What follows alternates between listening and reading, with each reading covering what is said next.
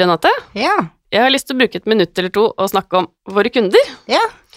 Eh, fordi jeg kom i en samtale om kunder vi tar for gitt, ikke sant. Tante Gerd som kommer og farger etterveksten sin hver sjette uke, ikke sant. Samme blanding av Ikke sant. Det er jo fort gjort, det, ikke sant. Jeg også må liksom ta meg sammen og tenke nei, nå, vet du hva, Gerd, nå har vi liksom hatt dette her litt lenge, skal vi prøve noe nytt. Og så begynte jeg å tenke på de kundene mine som har blitt med meg fra Oslo til Ski. De har jo liksom De er liksom ekstra spesielle, for de har jo faktisk blitt med meg ganske langt. Mm. Og det kjenner jeg liksom den derre de, Hvis man liksom ser for seg at eh, det er liksom din gjeng, så er liksom den indre kjernen av gjengen, det er liksom de som går way back. Mm. Så de er sånn ekstra sånn Yeah, kommer du! så hvis noen av de hører på nå, så er jeg veldig takknemlig for at de ble med til Ski. ja, en hyllest til de. Ja. Å, så koselig.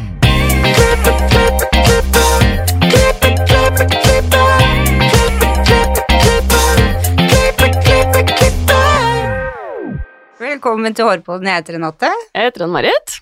Ann-Marit, hvordan har uka di vært? Jeg har blitt ginger. Ja, du er så Kan vi si at det er det? Ja, Ja, det syns jeg. det var deilig med farge. Det er ikke så lenge siden vi satt og snakka om det på at nå kommer høsten, nå kommer farver. Så jeg Mhm. ble litt inspirert da, faktisk. Jeg syns du var kjempefin, jeg. Takk. Ja.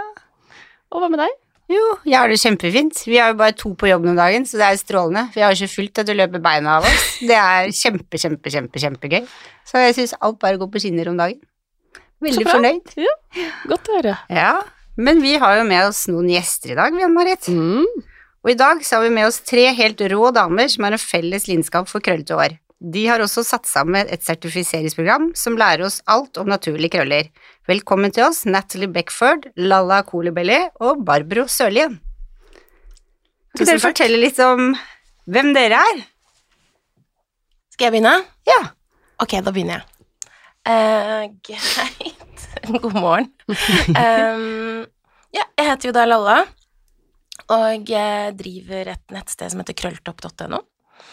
Så det jeg gjør, da, er jo egentlig at eh, skribentene mine, Rahima og Ida, eh, og jeg, vi lager innhold for eh, afroteksturert hår i Norge, og prøver å linke det opp mot norsk-afrikansk kultur, da. Så startet egentlig Krølltopp fordi eh, ja, vi følte at vi savnet en, et norsk nettsted med innhold for eh, nordmenn. Og så, da lager vi mye tips og triks til hjemmepleie, enkle sveiser, produktanbefalinger og ja, tips og guiding til hvordan å ta vare på håret hjemme, da. Yes. Spennende. Mhm. Og så holder jeg mye ja, foredrag eh, innenfor eh, temaet identitet, hår og identitet, eh, og er mye rundt ute på Deichmansbibliotekene, ungdomsklubber, eh, holdt litt foredrag for adopsjonsforeninger og sånn, for der er det jo masse nysgjerrige foreldre. Um, og så holder jeg jo eh, en del av Krølleløftet, da, så eh, min oppgave er jo da å holde i eh, den kulturelle biten, sånn at eh, frisørene og frisørelevene skal eh, få et innblikk i eh, hvor vi kommer fra. Ikke bare lære å klippe, men også forstå kulturen og historien bak håret, da. Mm, Veldig bra. Så det er meg. Og jeg heter Barbro Sørlien. Jeg um, starta i faget i 1987 som ryddehjelp på Adam og Eva. Um, så har jeg um, Jeg har brukt mye tid på å reise rundt og holde kurs tidligere, inntil 2004. Uh, det var gjennom Adam og Eva sitt akademi. Uh, så fikk jeg barn, og da ville jeg ikke være så mye på farten. Så da har jeg eh, drevet litt forskjellige salonger. Jeg har drevet en Adam og Eva-salong på Hamar, og jeg var med å starte Billys Bumble and Bumble på Aker Brygge. Eh, Det passa ikke meg så godt, så mm, da ble jeg eh, litt dårlig. Det er ikke den business-biten som mitt eh, hjerte brenner for, jeg er nok flinkere når det gjelder å dele faget mitt. Så da har jeg kommet tilbake til det. Jeg var nyutdanna yrkesfaglærer ved Oslo OsloMet juni i 2020. Så nå jobber jeg litt på Hamar katedralskole som yrkesfaglærer, Og der hadde vi en oppgave Nei, ikke på Katta, men eh, på Oslo OsloMet så hadde vi en oppgave at vi skulle fordype oss i eget fag. Og da ville jeg ta tak i afro, for det var det jeg følte jeg kunne minst. Og da traff jeg Lalla, og vi fant ut at uh, det var jo virkelig litt behov for å gjøre noe med kompetansen rundt i det ganske land. Så vi ble da enige om å starte Krølleløftet. Så jeg jobber litt som yrkesfaglærer, og jobber med, med å reise rundt på, med Krølleløftet. Nå er jo dette barnet blitt 17 og litt mer selvstendig, så nå kan jeg farte litt igjen, og det liker jeg godt. Velkommen tilbake, kan vi nesten si til deg.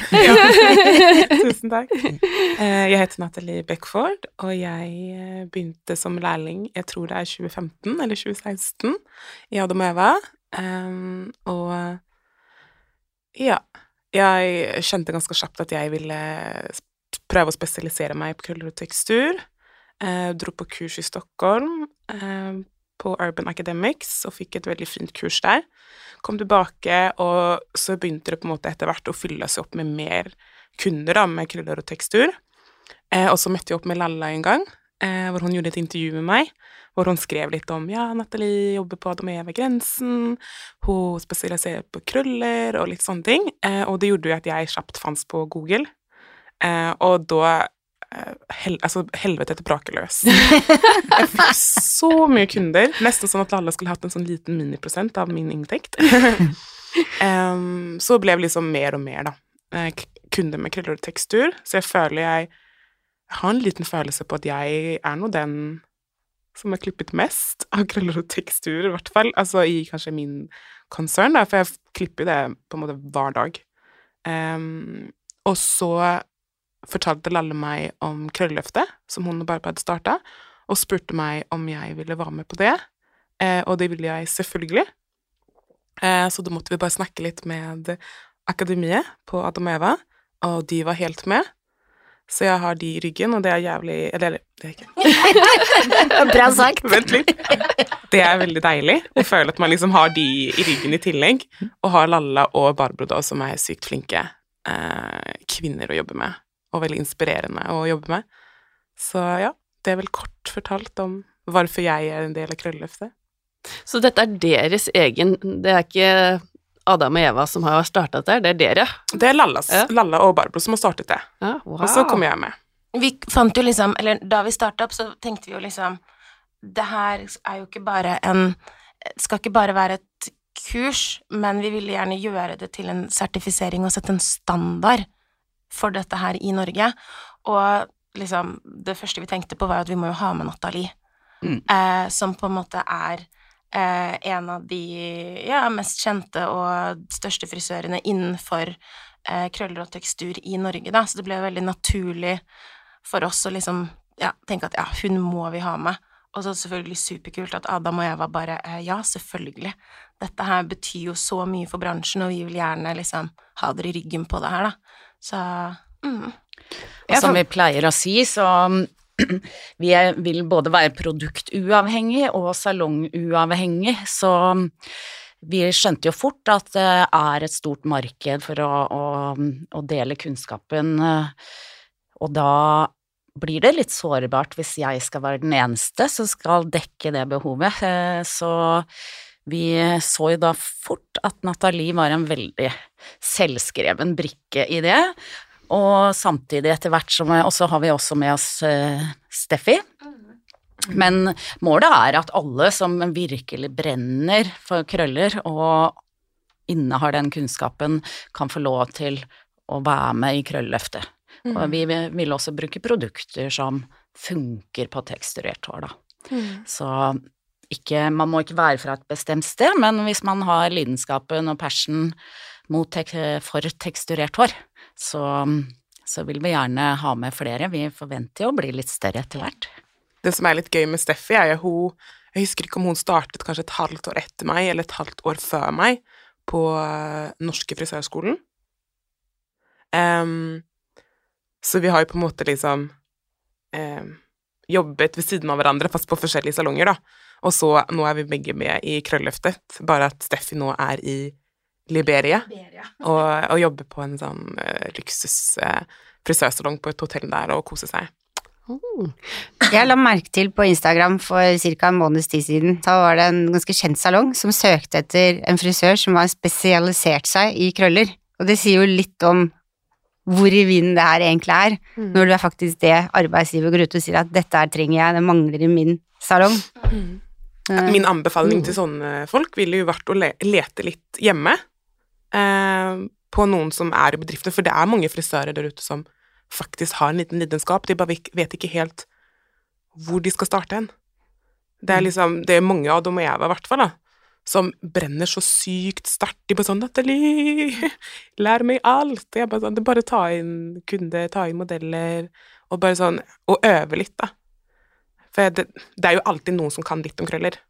Vi må bare liksom ta det steget videre. Ja, level up litt. Ja, level up. Ja, Mm. helt enig. Og kanskje tørre å prøve, rett og slett. Sånn eh, leke seg litt og, og mm, ja, bare ta litt tak i det. Så er jeg sikker på at de har folk i egne rekker. Ja, altså hvis det er en frisør som Barbro, da, som har jobbet i bransjen i x antall år, 30 pluss. 30 pluss år, kan på en måte ta for seg et nytt fag, så kan alle det, tenker jeg. Mm, enig. For hvor mange er det som egentlig har krøller? Veit dere det? Det er mange. Det er mange. Det er nok til at alle frisørsalonger skal kunne gjøre det, tenker jeg. Så jeg har gjort litt, eller jeg har gjort masse research, da, um, fordi jeg holder jo en del kurs og sånn. Uh, så jeg var jo veldig opptatt av å på, på en måte finne litt stats for Norge, da. Uh, fordi jeg prøver jo å linke alt til Norge. Uh, det er så mye fra statene, vi må liksom få det hjem. Det er jo så mange av oss her, på en måte. Eh, så jeg har vært inne og snoka på Statistisk sentralbyrå og sånn. Eh, ringte dem også en gang og var sånn Hei, eh, hvor mange i Norge har krøller? Og de bare «Eh, Hæ?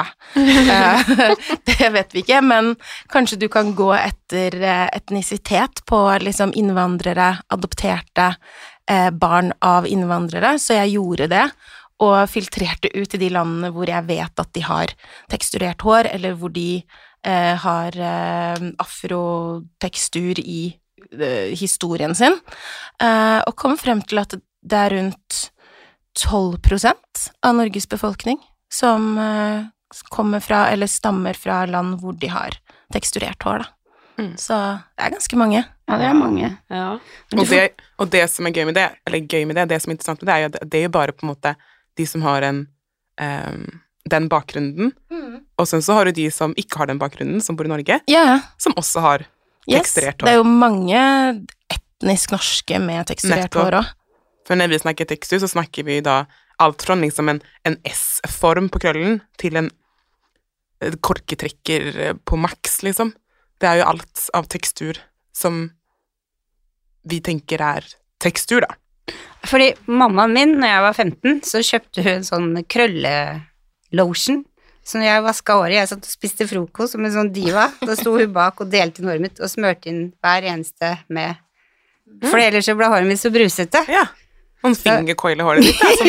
Ja, ja, visst. Det er bra jobba. Ja, Hun var litt tidlig ute. Ja, ja, men hun var veldig opptatt av hår, så jeg måtte til frisøren hver sjette uke stusse og ha hårkur, og hun kjøpte produkter. Så Da hadde du sikkert ganske fint hår, du, da. Nei, jeg hadde egentlig ikke det,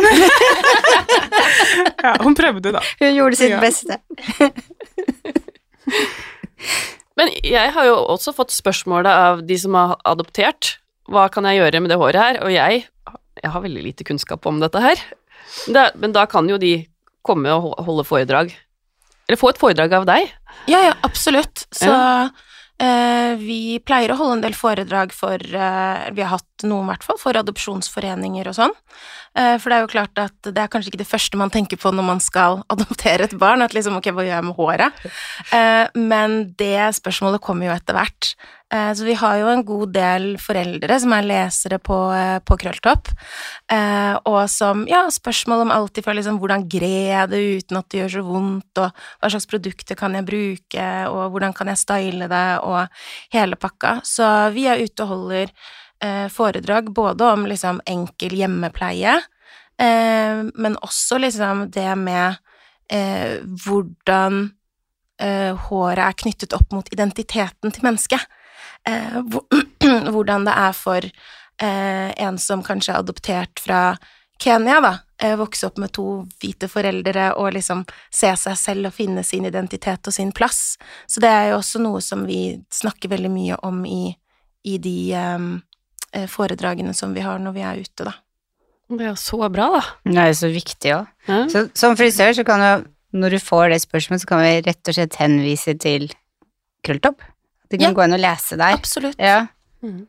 Og så er det jo selvfølgelig veldig lurt å ta et kurs på krølleløftet òg, da. Ja, det vil si.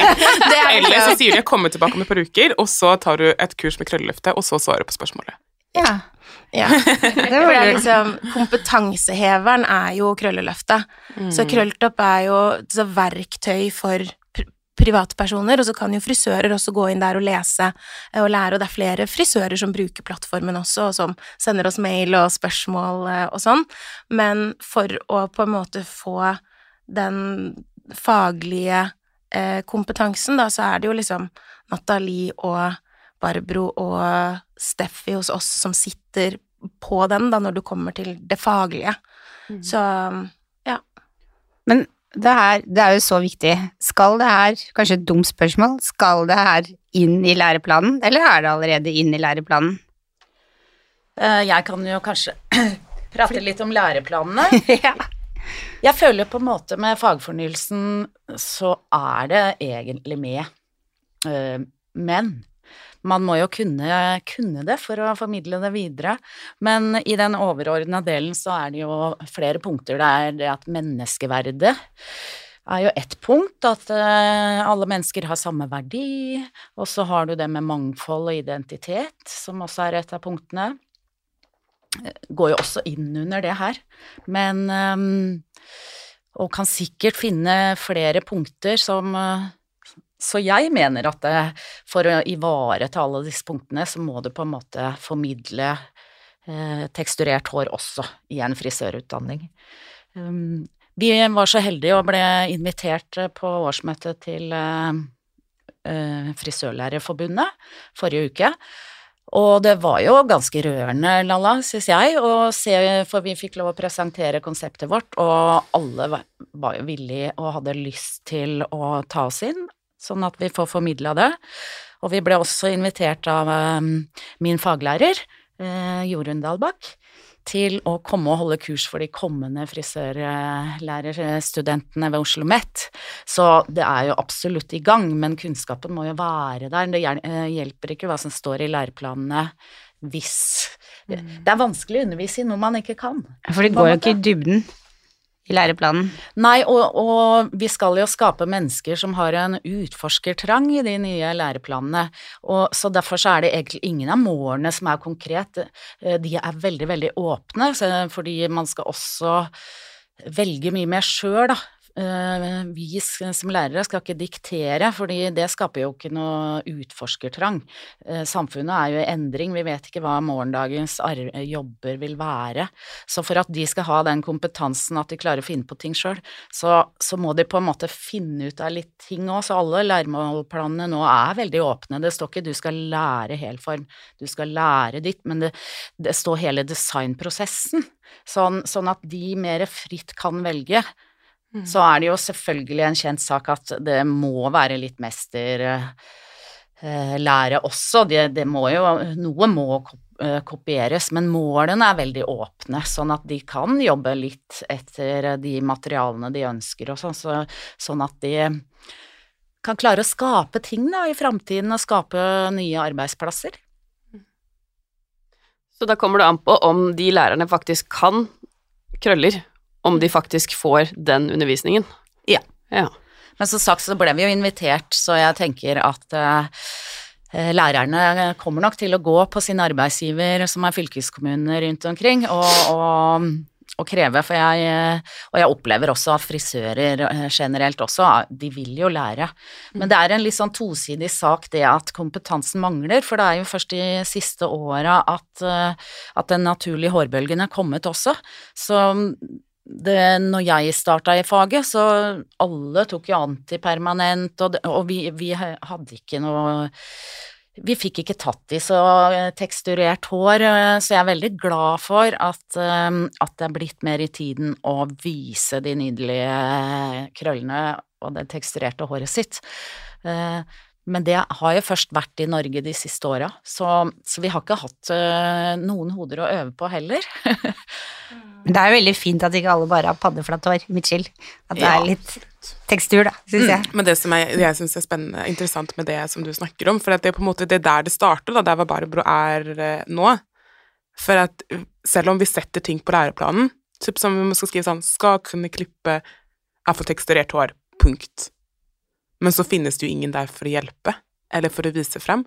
Og jeg tenker at ikke sant, like godt som en uh, yrkes... Hva, hva heter det? Faglærer. En faglærer kan klippe nå en helform. Like godt syns jeg, da, at de, noen av de skal kunne klippe et teksturert hår. Så det, vi må liksom Vi må jobbe litt med det. Eh, Og jeg tenker at vi har ikke noe hastverk. Eh, det skal ikke skje i morgen, det skal ikke skje 2022, men vi skal på en måte begynne reisen, og vi skal liksom være godt på vei. Jobbe Sånn mot et mål. Nettopp. Ja, gøy. Eh, og det som er frisørfaget, som vi alle frisører vet, vi slutter aldri å lære. Aldri. Og det er det som er gøy med det her, for at vi kan hele tiden øke kompetansen vår. Og jeg og Barbro, vi kan lære det vi kan, og så kanskje noen andre på en måte eh, kommer opp til vårt nivå. Nei da. Men og kan liksom hjelpe oss å utvikle det enda mer. Mm. Eh, og det er det som blir gøy på en måte i fremtiden, og det er det som kommer til å sette en Skal man si eh, eh, Grunnlegge en sånn sterk eh, greie, da, for fremtiden. Mm, Og så kan jeg jo legge til det at eh, vi begynner jo å bli veldig mangfoldige i Norge nå.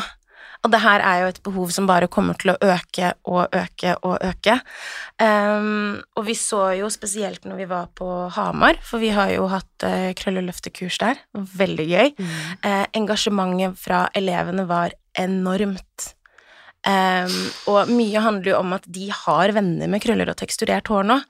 Eh, nå fins det folk med så mange etnisiteter rundt omkring i alle land, i alle skoler, i alle klasser, og det å på en måte eh, omfavne alle, eh, og sikre at alle kan få de samme tjeneste, tjenestene, er jo noe som eh, kanskje spesielt unge mennesker i dag brenner for, og som de syns er viktig.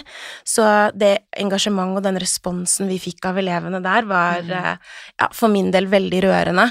Eh, og flere av de som satt i salen da jeg holdt foredrag, i hvert fall, som eh, ikke var etnisk norske, og som hadde teksturert hår selv, eh, satt der med liksom nesten tårer i øya, Mm. eh, og syntes at det var eh, veldig spesielt og godt å se at vi var der. Eh, for det er noe med å ta et fag hvor du lærer å klippe hår, og så lærer du da ikke om din egen tekstur. Um, og ja, Nathalie har jo opplevd det selv, og Mm. valgte å ta et kurs uh, ved siden av sin utdannelse. Så det å liksom kunne si ja til folk som ser ut som en selv, eller til alle, er jo noe som kommer til å bli viktig, og det er jo noe samfunnet forventer, og kunder forventer, at man tar et større samfunnsansvar, da. Ja, jeg tenker i og med vi starter så tidlig, som allerede på VG1 og VG2, så mm, ufarliggjør vi det litt. Det blir ikke så skummelt. Det blir spennende, det blir noe de får lyst til å ta tak i. Hvis du først begynner etter svennebrevet, så, så krever det kanskje litt mer guts eh, og, og, og at du tør å finne ut av egne ting på en annen måte, da. Absolutt. Og jeg merker jo det når jeg har lagd oppgaver eh, i eh, videregående opplæring, så hvis jeg visuelt også alltid har med Jeg tenker alltid litt sånn mangfold, og, og ikke nødvendigvis bare teksturert hår, men, men andre etnisiteter, og hvis jeg har elever i klassen som, som skiller seg ut stilmessig, så prøver jeg alltid å vise en helform, for eksempel, med mange forskjellige visuelle uttrykk, sånn at alle føler seg Sett. sett. Eh, og det er jo også at de leverer oppgaver som har et mye bredere mangfold. Så vi, hvis vi, vi lærerne må også være litt flinke til å vise mangfold. Enig. Mm. Det er jo em, det jeg har, som Lalla sa nå, at jeg hadde jo ikke muligheten for å lære så mye om krølletekstur da når jeg gikk på skolen. Em, selv om man alltid kan jo få litt tips her og der, for folk er jo liksom ganske fagsterke generelt. Em, men det som er gøy nå, nå har jeg liksom kommet tilbake da, til skolen, altså ADM-skolen, og holder kurs um, to ganger per termin. Så har jeg en hel dag hvor jeg viser en demo, snakker litt om, litt om kulturen og litt om liksom krøllete hår generelt. Og hver eneste gang når jeg er ferdig for dagen, så kommer det fram en eller to, kanskje tre stykker, og har liksom ekstra spørsmål. Og det er sånn 'Jeg skal bli best på krøller'. Og det for meg blir sånn 'Det skal du'. yeah. Oh ja. Og det er så gøy, for de vet jo ikke, på en måte. De vet jo ikke at eh, det kanskje har manglet litt, liksom. Og de bare sånn Ja, ja, men selvfølgelig. Det her skal jeg bli best på. Akkurat som noen vil kanskje bli best på extensions, noen vil bli best på striper. Så det er bare sånn veldig spennende og inspirerende å ta med seg, og det er gøy å se hva som skjer med de framover. Nå har det vært eh, Jeg tror jeg har vært der Altså, det har vært to år, på en måte, som jeg har vært på skolen, så de er jo fortsatt lærlinger. Men fem år frem i tiden, så er det veldig spennende å se hva som skjer med de kidsa. Eller kidsa, det kan jo være voksne òg, på en måte, som går på den skolen. Eh, hva, hva som skjer med de eh, som har fått den muligheten så tidlig, som som elevene, da, på Hamar, der var Barbro jobber. Hva som skjer med de elevene som har hatt Barbro der til stede, som kan litt ekstra om krøller og tekstur. Hvor liksom De kommer til å bli mye mer åpne frisører på akkurat den biten av faget, da. Og helt sikkert kunne få andre muligheter også. Altså Nettopp. liksom abroad. ja, Ja, Hvis man på en måte har lyst til å gjøre noe internasjonalt eller um, ja, noe i andre land, så har man på en måte erfaring og kompetanse som gjør at man uh, er relevant andre steder enn bare i, i Norge eller Skandinavia, da. Mm. Men hvis jeg da tenker å nei, nå, nå vil jeg ha krølløfte, selvfølgelig. Hva får jeg da, når jeg melder meg på det? Hva lærer jeg? Da lærer du best day of your life. Så det du får, er jo først og fremst, fremst en liten liksom, introduksjon til eh, teksturert hår, og også afroteksturert hår, og hva det er. Mm. Eh, historien bak håret, eh, fordi for veldig mange av oss så eh, er det ikke bare hår. Det har en eh, historisk og en kulturell betydning, og det er noe som vi så på som veldig viktig da vi satte sammen Krølleløftet. At den forståelsen må man ha hvis man skal gjøre dette seriøst. Um, og så får man jo uh, masse klippeteknikker og stylingteknikker, pleie og uh, produkttips og hele pakka da av uh, Barbro og Nathalie. Så fra A til Å. Ja. Så, så bra. Mhm. Og så bruker vi jo veldig mye modeller. Ehm, og det er jo fordi at en del av Krølleløftet handler også om dialogen. Hvordan ufarliggjør man den dialogen mellom disse kundene som man ikke er vant til å ha, og disse fagfolka som nå skal på en måte bruke kunnskapen sin på eh, nytt ny tekstur, da. Og ikke minst for de med afroteksturert hår som kanskje aldri har gått til frisør før. Det ser vi jo på hvert kurs vi har, at mange av modellene har aldri vært hos en frisør. Ehm, så det å på en måte jobbe tett med modeller og dialog, hvordan har man en god konsultasjon, uh, og hva slags terminologi bruker man for ikke å tråkke over noen grenser, og liksom egentlig ufarliggjøre hele den settingen, sånn at man kan gå ut og være komfortabel, føle seg inspirert og virkelig, virkelig føle at man er klar, og at man har tyngden da, til å ta imot mm, kundene. Det er ganske rørende å være med på også, syns jeg, for um, ja, det at folk ikke har følt at de kunne gå inn i en salong, og de utbryter når det er ferdig 'Herregud, jeg har fått min egen frisør, jeg kan gå i en salong'. Man blir jo Man får litt tårer i øya og føler at man er med på noe litt viktigere kanskje enn når jeg reiste rundt og dikterte hva som var høstens trend, på en måte. Dette syns jeg er fashion, det skal dere gjøre nå, men, men det er en, en mye større og litt mer betydningsfull eh, greie å være med på. Alle burde få, eh, få en salong å gå til, Absolutt. og bidra til det. Det gjør noe med hjertet. For det, er- man skal ikke så mange år tilbake før du liksom bare Nei, da må du gå på en afrosalong på Brugata eller på Grønland, for vi kan ikke det type håret her. Det er jo ikke noe god følelse å servere eller bli servert. Det Altså, mange av de kundene jeg har, sitter jo med det. Ja. De er bare sånn Nei, men jeg har gått på afroshop, på en måte. Og de er jo veldig flinke på det de kan, og det er ofte liksom eh, relaxer, altså antipermanent, eller fletter og litt andre ting. Det er jo ikke det å klippe og farge et hår. Um, men det som er, eh, som Barbro snakket om i stad, det om at eh, man har folk som kommer og klipper seg som aldri har vært for frisøren før. Det er helt sånn rart. For jeg har jo selv ikke vært hos frisøren før. Jeg tror før jeg ble frisør selv, så var jeg hårmodell to ganger. En gang da jeg var 18 og ble skamklipt, typ. Men det gikk fint. Det gikk helt fint. Jeg overlevde det. Og en gang på uh, White Studio.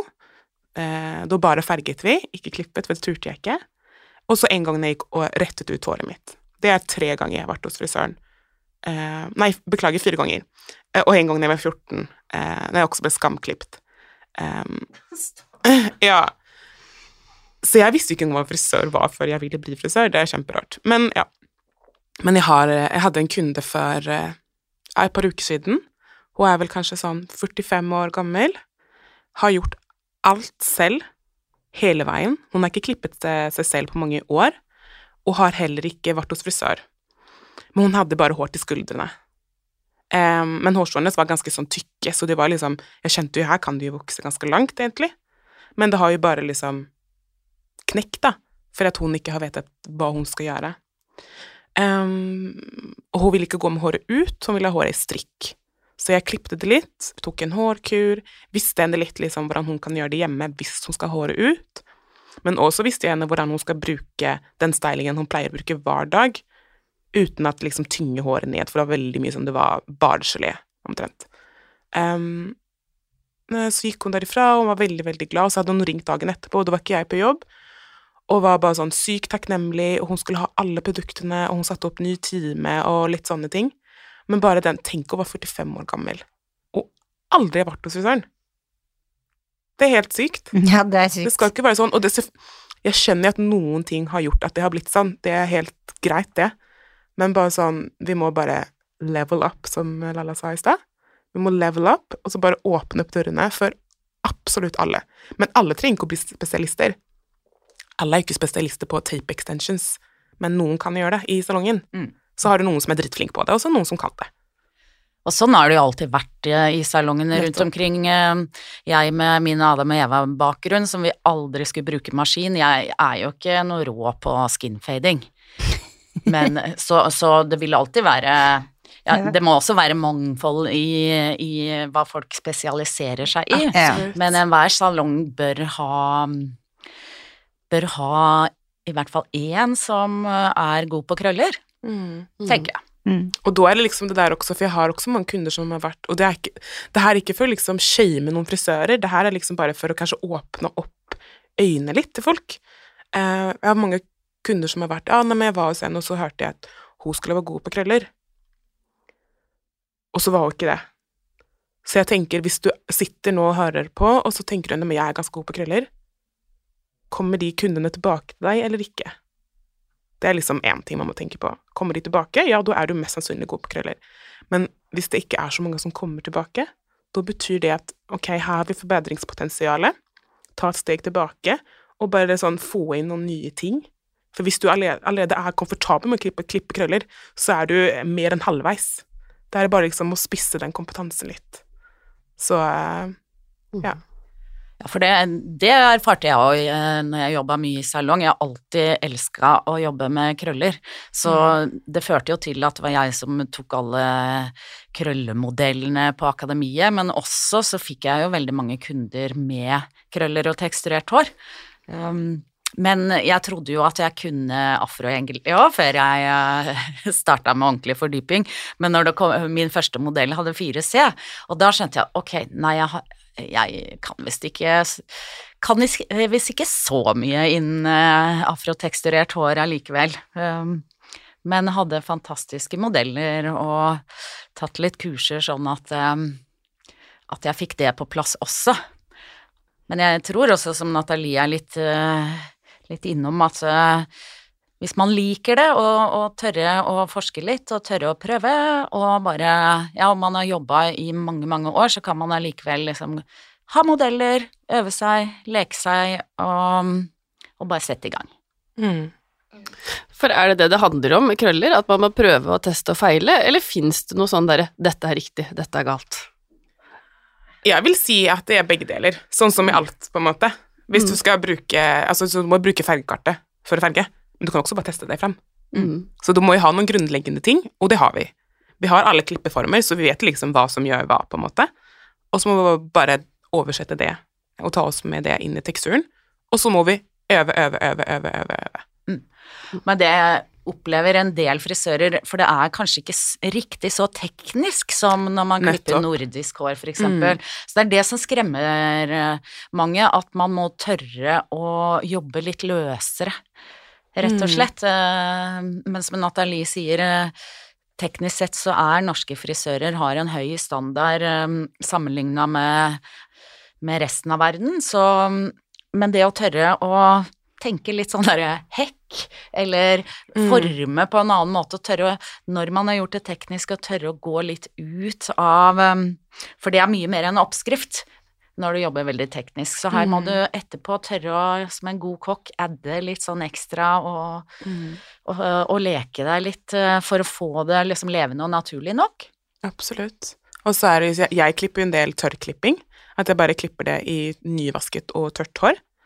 Ehm, og det er jo et veldig bra utgangspunkt, syns jeg, da, Mm. for å lære seg veldig mye om krøller og tekstur. Altså har du en, et veldig teksturert hår, så er det ikke noe vits å greie det i vått og klippe det. Det gir ingen mening. Um, med mindre du skal liksom ha en viss effekt eller et eller annet. Men starte med å klippe det i tørt, for da ser du akkurat hva som skjer. Hvis, det begynner, liksom, hvis du begynner å klippe det, og så blir det liksom en rar form, ja, da kan du endre på formen med en gang. Så det er det du gjør, altså du bare former det på en måte? Ja, altså jeg har, jo, jeg har jo en viss teknikk og noe grunnleggende måte jeg tenker på, men egentlig så er det bare det. Jeg former det. Jeg gjør en tek jeg starter teknisk, og så til slutt så går jeg over eh, rent sånn bare former det. Mm. Jeg hadde Skulpturerer nesten. Ja. Ja. Jeg, jeg hadde en kunde i Bogstadveien som hadde veldig teksturert hår, og han gikk til oss med fast. Men da Og jeg kan være den første å innrømme at jeg trenger dette kurset her. jeg vaska det, og så tok jeg et passé-fossé som jeg skulle klippe meg et vanlig hår, for jeg visste jo ikke hva skal jeg gjøre. Mm. Jeg kunne ikke si nei heller. så han hadde jeg faktisk et par år. Mm. Det er jo kjempebra. Men var det riktig, det jeg gjorde? Hvis han gikk til deg i et par år, så var jo det selvfølgelig riktig. Så Ja, lenge kunden blir sant. fornøyd, tenker jeg er fint. Ja. Ja, det er jo Ja, nå kan ikke jeg så mye sånn teknisk, for jeg er ikke frisør. Eh, men det er jo noe med at, i hvert fall med afroteksturert hår, så har jo vi egentlig alltid i vår kultur gjort alt selv. Vi har jo på en måte ikke gått til fagfolk. Vi har jo liksom afrosalongene som ble nevnt her i stad, som selvfølgelig også er veldig viktig for oss. Eh, de sitter jo med mye sånn nedarvede teknikker i forhold til fletting, eh, og en del sånne ting som er viktig for oss kulturelt, men det som er, funker for oss, det funker for oss på en måte. Så det er jo ikke alltid eh, sånn som med kunden din, da, at det må brukes en viss teknikk, eller at det må gjøres på en spesifikk måte. Det handler mer om liksom eh, velvære og det å liksom føle at dette passer for meg, da. Så Mm. Hva vil du si er den største feilen vi gjør som frisører? når du kommer til afroteksturert Ja. Ehm, Jeg vet ikke. Eh, Si nei til kunden. ja, det er kanskje nummer én, men også så er det kanskje noen ganger bedre Ja, eh, å si nei eller Mm. beklager, jeg kan ikke, jeg skulle ønske jeg kunne. Eh, jeg drev med sånn stikk, noen sånne stikkprøver for, for noen år siden, og drev og stakk innom eh, forskjellige salonger sånn randomly, og med liksom håret gredd ut, afroen ute, og var sånn hei, kan jeg få en klipp? Og mange ble jo liksom livredde når de så meg gå inn døra. Em, og veldig ofte da så var det jo flere som liksom sa det at jeg skulle ønske jeg kunne, men jeg kan ikke. Eh, og jeg syns det var veldig Heller det enn Ja. å si ja og skamklippe meg, sånn som Nathalie har opplevd. Um, men også fått den derre Ja, jeg kan klippe deg, men du må rette ut håret først. Så Mm. rett ut håret før du kommer, så klipper jeg det rett. Um, det er jo heller ikke det vi er ute etter, på en måte. Hva skjer da, når du vasker håret og det? Da krøller det seg jo, og så vet man jo ikke hvordan det ser ut etterpå. Altså Det det, er jo forferdelig. det som skjer helt sånn Hva skal man si, kanskje fagmessig, er jo at Si at du har en som har veldig mye krøllfølge, og ikke like mye krøll bak, eller tvert om. Da vil det jo på en måte, når det hvis du strekker det ut og klipper det, og så tørker det, så blir det ikke den formen som du har klippet det i. Så du har jo ikke noe kontroll på form, på en måte. Mm. Um, så hvis du klipper det i en helform, og det krøller seg, så blir det jo ikke en helform. På en måte, så det, Mm. Mm. Fagmessig så er jo det helt feil. Ja. Men hvis du klipper slikte spisser, be my guest. Hvis du bare skal få vekk de slikte spissene og ikke bryr deg om formen, så funker det jo kjempebra. Mm. Men de fleste vil jo kanskje ha en, en form, og det er noe som jeg syns er også ganske interessant. Jeg har mange kunder som ikke skjønner at de kan spørre og sette litt høye krav til meg. De er bare sånn Nei, men jeg vil bare klippe spissene litt. Og jeg bare Ok, men øh, nå er jo du hos meg, da. Jeg har jo spesialisert meg på det her. Hva vil du egentlig? Og så liksom må jeg dra litt, da. Og da kommer vi fram til masse forskjellige former som de har sett på, og bare sånn Nei, men hun er kul på håret, hun er kul på håret, hun Hun Sunday, er det det hun heter? Hun skuespilleren? Nei, det er en skuespiller, da. Eh, som det er veldig mange som viser meg. Da viser det seg liksom at de vil ha den formen. Eh, og det er litt kanskje det man, man gjør feil, for klippe kan frisører gjøre, men det derre Skulpturere. skulpturere, finne en form, ehm, og ikke tenke så mye på liksom Ja, men du får langt, kanskje langt hår, da, for det er også en sånn ongoing thing. Langt hår, langt hår, langt hår. Kanskje vi skal tenke litt mer på form. Hva syns du er fint? Um, og litt sånne ting. Eller hva tenker du, Barbro? Jo, nei, jeg bare kom litt på um, Når jeg underviste på Adam og Eva-skolen, så um, jeg og en god venninne, Lena Gulbrandsen, vi hadde ansvaret for kveldskurset. Og som inspirasjon så hadde vi alltid Edvard Saksehånd som uh, inspirasjon til elevene. Så jeg, det var bare den som datt litt inn nå, at den uh, egentlig ikke så veldig dumt til et uh, teksturert hår. eh, noen syntes det var litt sånn rar tilnærming til hår, men det blir jo absolutt aktuelt. Jeg tenker på de trærne han forma. Ja, og han begynte jo på de damene etter hvert, og Ja. han klippet jo bare etter form. eh, og det kan jo absolutt linkes til eh, til eh, afroteksturert hår og det å forme mer enn å skulpturere, da. Ja. Mhm. Men om vi skal svare på spørsmålet, så var, var vi gjør feil, eller Ja, vi det var den største feilen vi gjør. Ehm, jeg har ikke sett så mange feil, på en måte, for jeg har ikke vært hos frisøren Kanskje det er å late mye. som vi kan noe vi egentlig ikke kan, så vi burde ta krølleløftet. Ja, Det er en stor feil. veldig godt oppsummert. Ja, det høres veldig riktig ut. Ja. Og kanskje en feil kan være at man eh, ikke tror man kan lære seg det. Mm. Det er vel kanskje Jeg tenker eh, frisører, vi er vant til å innta ny kunnskap eh, i form av nye trender og nye teknikker, så, så alle kan klare det her òg med rett eh, sånn eh, Rett innstilling, at eh, man må starte med å tro at man kan få til Mm. for å få til noe. Har dere fastsatte datoer for kurset? Og hva koster det å ta kurset? Uh, ja, uh, nå har vi et kurs hver måned til våren, Mhm. eh, så det er fortsatt plasser, så man kan gå inn på eh, krølleløftet.no og finne kursdatoer der. Så det er bare å melde seg på. Vi tar eh, 6500 per person, og så kan vi selvfølgelig ta hele salonger også, hvis eh, noen Ja, sier at man holder til midt i Oslo sentrum, da, og har eh, Og alle mulige mennesker går forbi, så kan det jo være lurt å på en måte sertifisere alle, og da kan vi ta hele salongen også. Det er jo kjempebra. Mm. Mhm. Vi har noen faste spørsmål til dere også, vi. Kjør på. Har dere noen tips til frisører som vil opp og fram? Med krøller, da, selvfølgelig. Må det jo bli. Lek deg masse, holder jeg på å si, og ha Vær på jobb eh, døgnet rundt, sånn eh, i form av å se på folk rundt deg. Er du ute på byen, ser du en inspirerende person som har fin tekstur, si 'wow, jeg digger håret ditt, kan jeg få lov å klippe det'? Eh, Det var sånn jeg begynte, i hvert fall. Jeg hadde liksom eh, lomma full av visittkort og, og så etter folk som jeg syns eh, var kule i utgangspunktet, og, og de fleste, fleste blir jo veldig fornøyd eller veldig glad av å bli spurt og bli lagt merke til, så man må på en måte eh, men sånn blir det litt når man begynner å engasjere seg, så legger man jo mye mer merke til eh, folk med teksturert hår òg, da. Mm. Men begynn i nærmiljøet, begynn å øve. Vær ærlig og si at 'dette kan jeg ikke så godt enda'. kan du hjelpe meg på veien? Være uredd? Ja. Bare stopp på. Hva inspirerer dere? Folk på gata, rett og slett. Og det, jo, altså det inkluderer jo alle. Det inkluderer kundene mine, eh, kollegene mine, men bare folk generelt jeg ser. Eh, og selvfølgelig liksom Instagram, Facebook og TV og film, men jeg blir mest inspirert av folk jeg ser på gata. Eh, nå jobber jeg på Adam Eva på Grünerløkka, eh, og lenger ned i gata så ligger Fretex. Så det går ganske mange sånne kule ungdommer forbi som har litt sånn crazy farge på håret. Og det ser litt ut som man har gjort det selv hjemme, men det syns jeg er sånn, jeg er sånn hmm, spennende.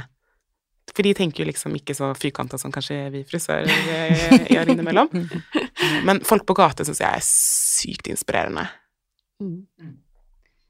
Hvis du kunne forandre på noe med frisørbransjen, hva ville du forandra på?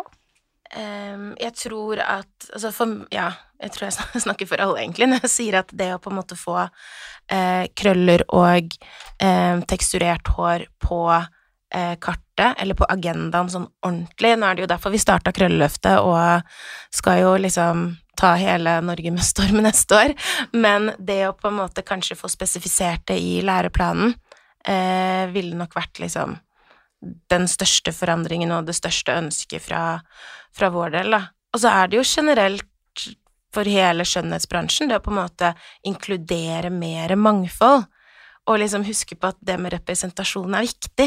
Det at liksom unge gutter og unge jenter kan se noen som ligner på seg selv, eller har sin hårtype, eller sin hudfarge, eller sin kultur eller bakgrunn representert i eh, ja, forskjellige motemagasiner eller på TV, eh, sånn at man ikke sitter og føler på at man er eh, annerledes, da. Så ja, representasjon og eh, eh, dokumentert kunnskapsløft er det jeg ville forandre. Ja, veldig bra svart. Mm. Hvor finner lytterne dere på sosiale medier? Overalt. det er jo eh, Krølleløftet på Instagram, krølltopp.no på Instagram, eh, Beckford Hair på Instagram og Barbro Sørlien på Instagram.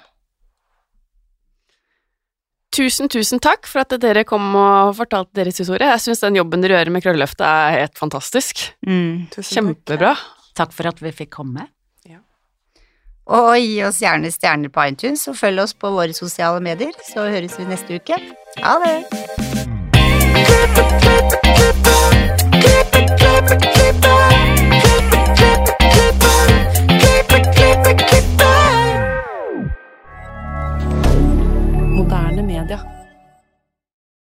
Har du et enkeltpersonforetak eller en liten bedrift? Da er du sikkert lei av å høre meg snakke om hvor enkelt det er med kvitteringer og bilag i fiken, så vi eh, gir oss her, vi. Fordi vi liker enkelt. Fiken superenkelt regnskap.